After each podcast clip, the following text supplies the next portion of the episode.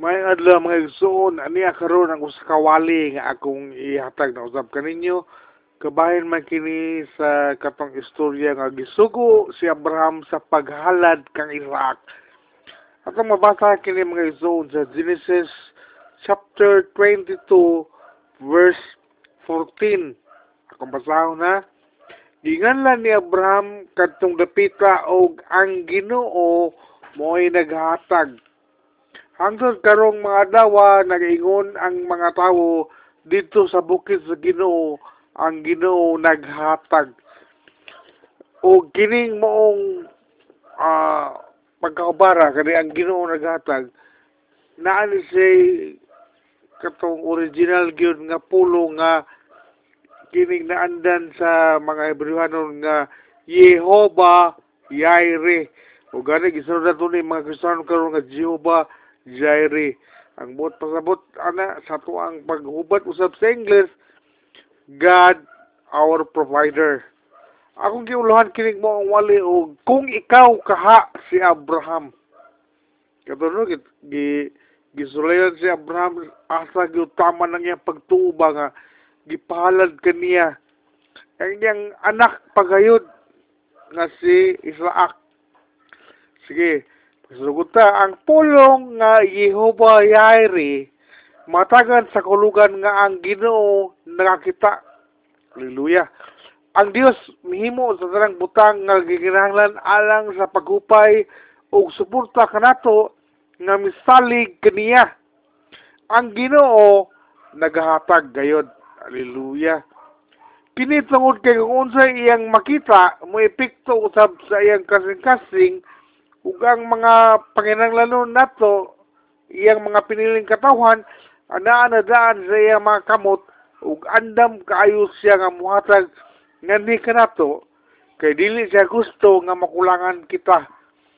Sa diyang makita sa Dios dili sa atong kinabuhi nga kinahanglan kita nini mga butang nga o nahurot na kini sa ato ang paggamit pagkonsumo unsay nakita sa Dios sa atong kinabuhi mo effect na siya sa iyang kasing-kasing nga maluo siya o kini hatagan na kuni kay nahutdan na sa sila.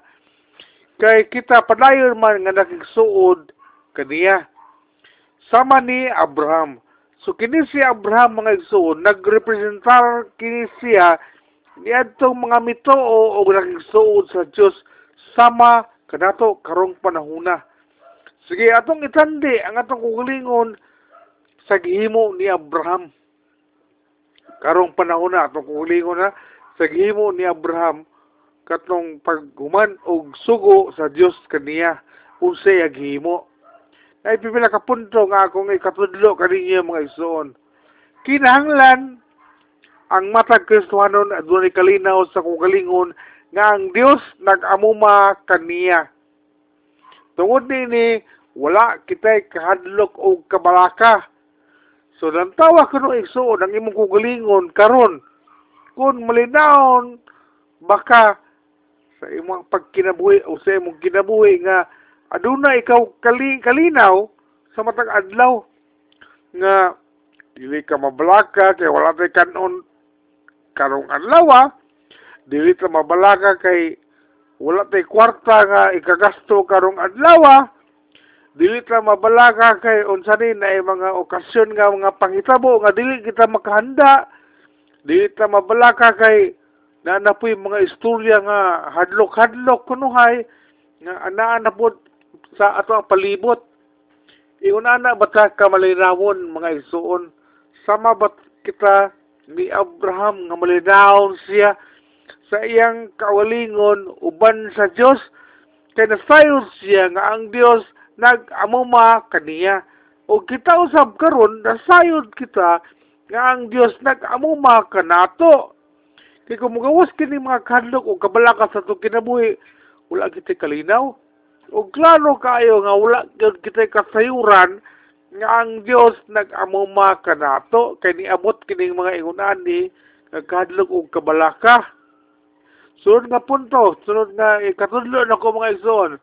Ang Dios naghatag sa tanan natong gikinahanglan. Pero usahay dili diha diha iniguman nato og pangayo kaniya.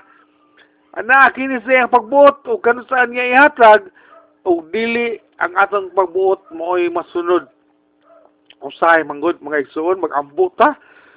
Then ang ato na bang inampuan murag gasugo ta sa Ginoo nga iniguman kinato kampo moabot dayon ang katubangan sa atong pagampo. Pero dili ingon ana di ay kay gibutang sa Biblia nga sa iyang tukmang panahon mutubag ang Dios ug muhatag ang Dios sa solusyon sa atong problema sa atong giampo iyang kagulingon nga panahon dili kay kita ang magbuot nga Lord ihatag dayon nako Ginoo kinanglanon kay nako kanong adlaw. Ang timing sa Dios nindot kay mga igsuon.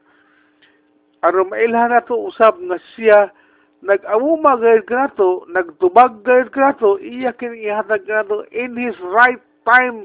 Kung sa iyang pananaw insakto na gid ni nga imo ning ato ning magamit. Dili kay magdali kita no, mahilig tag mga express ba. Sunod. Kung aduna kita buhaton alang sa kaymayaan sa Dios, dili kita maglangay o magpanako sa paghimo nini uban ang pag-usob sa atong hunahuna kabahin sa himuon nga tahas. Awato na to si Abraham nga walay reklamo unsa man nga sulti ang nadungog gikan kaniya. Kini ba kung aduna kita buhaton alang sa kamayaan sa Dios dili kita maglangay kasagaran mangudato langayan no kanang ah, ugma nako ugma ugma nako musuroy ay mag-evangelize mangabig og mga kalag kay ulan pa man ron. O ganana bitaw. Aw, man ako mo mo simba ay kay wala ko plite. Oh, sunod Domingo na lang. Then usahay pagit magpadako pagit kita sa baghimo no. Hesitant ta nga kani sila no kanang kuha ko ni duulon mo tubag baka dino basig ila ko debatiho na din eh katubag. Dahil ko na ba?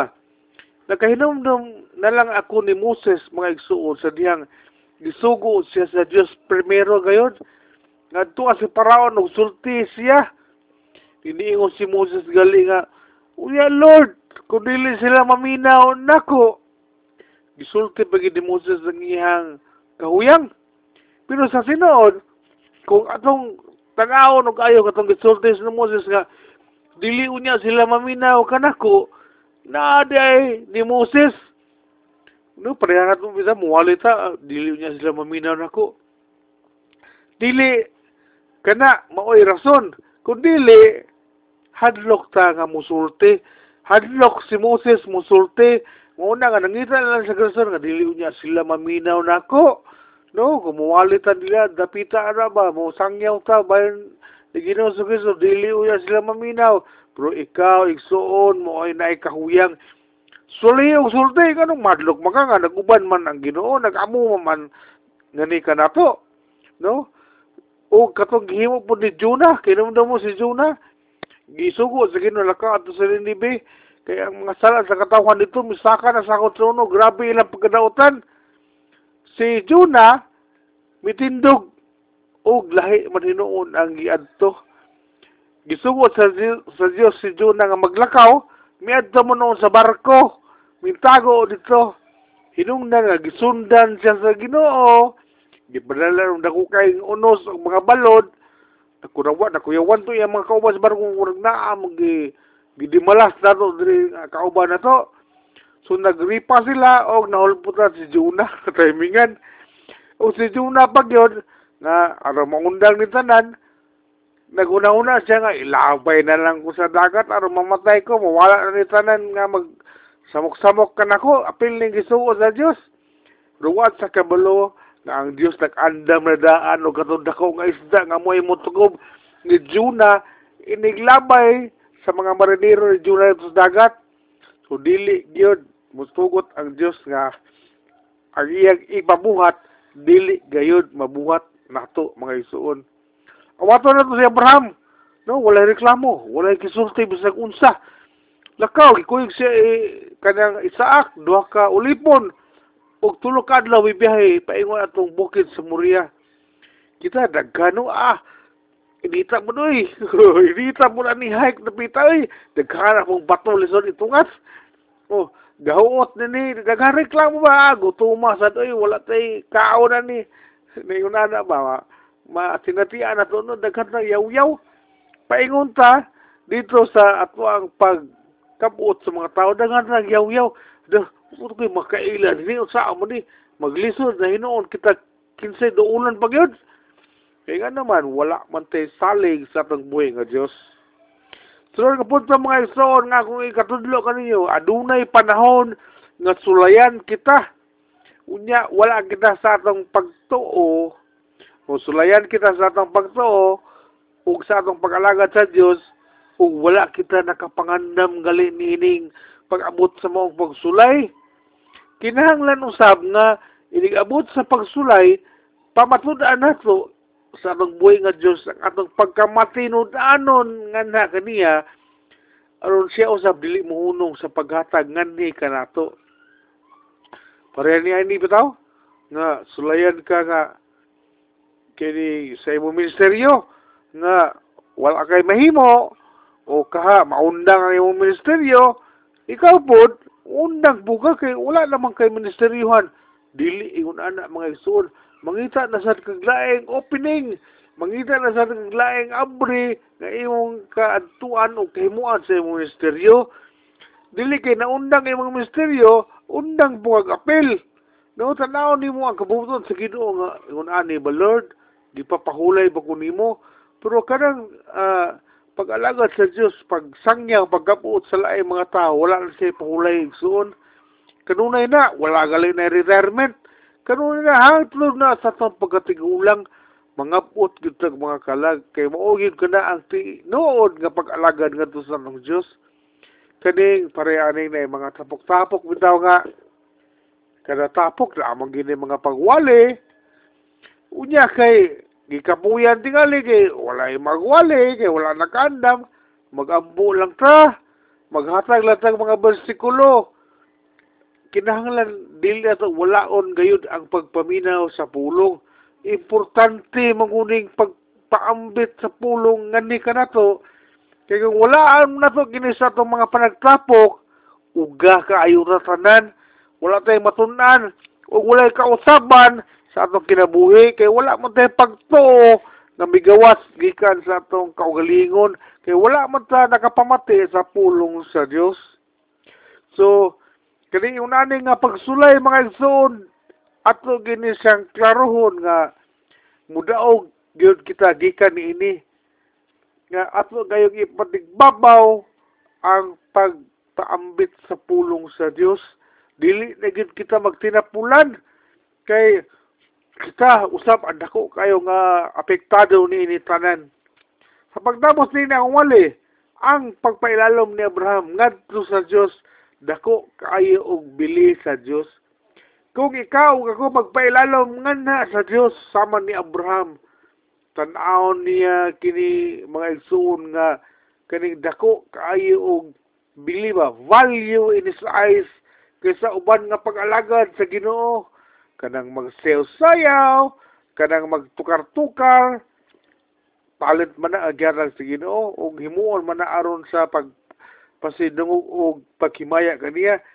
Pero kini mga pagpailalom ngayon kanato sa gahom sa Dios mo ni siya ang dako kay bili kaysa ubang pag-alagad ilabi na kining pagpaambit pagsangyaw sa pulong sa Dios Kay ani adi ni ang saad sa tanang pagserbisyo ngadto sa Dios Amhan. No atong gibutang sa atong kugulingon nga Lord. Muhimo ako niining mong pagkapot sa ubang mga kalag sama sa natabo usab kanako nga gikabot usab ako sa naguna kanako ug tungod niini nahiusa si Abraham ngadto sa Dios kita usab ikaw ako kung himo na ko gining magpailalom sa Dios may usa kita sa Dios ina sa iyang balaang katuyuan. Dalay ko na Diyos sa iyang pulong, nagipaday karong adlaw, karong buntaga. Hallelujah. Amen.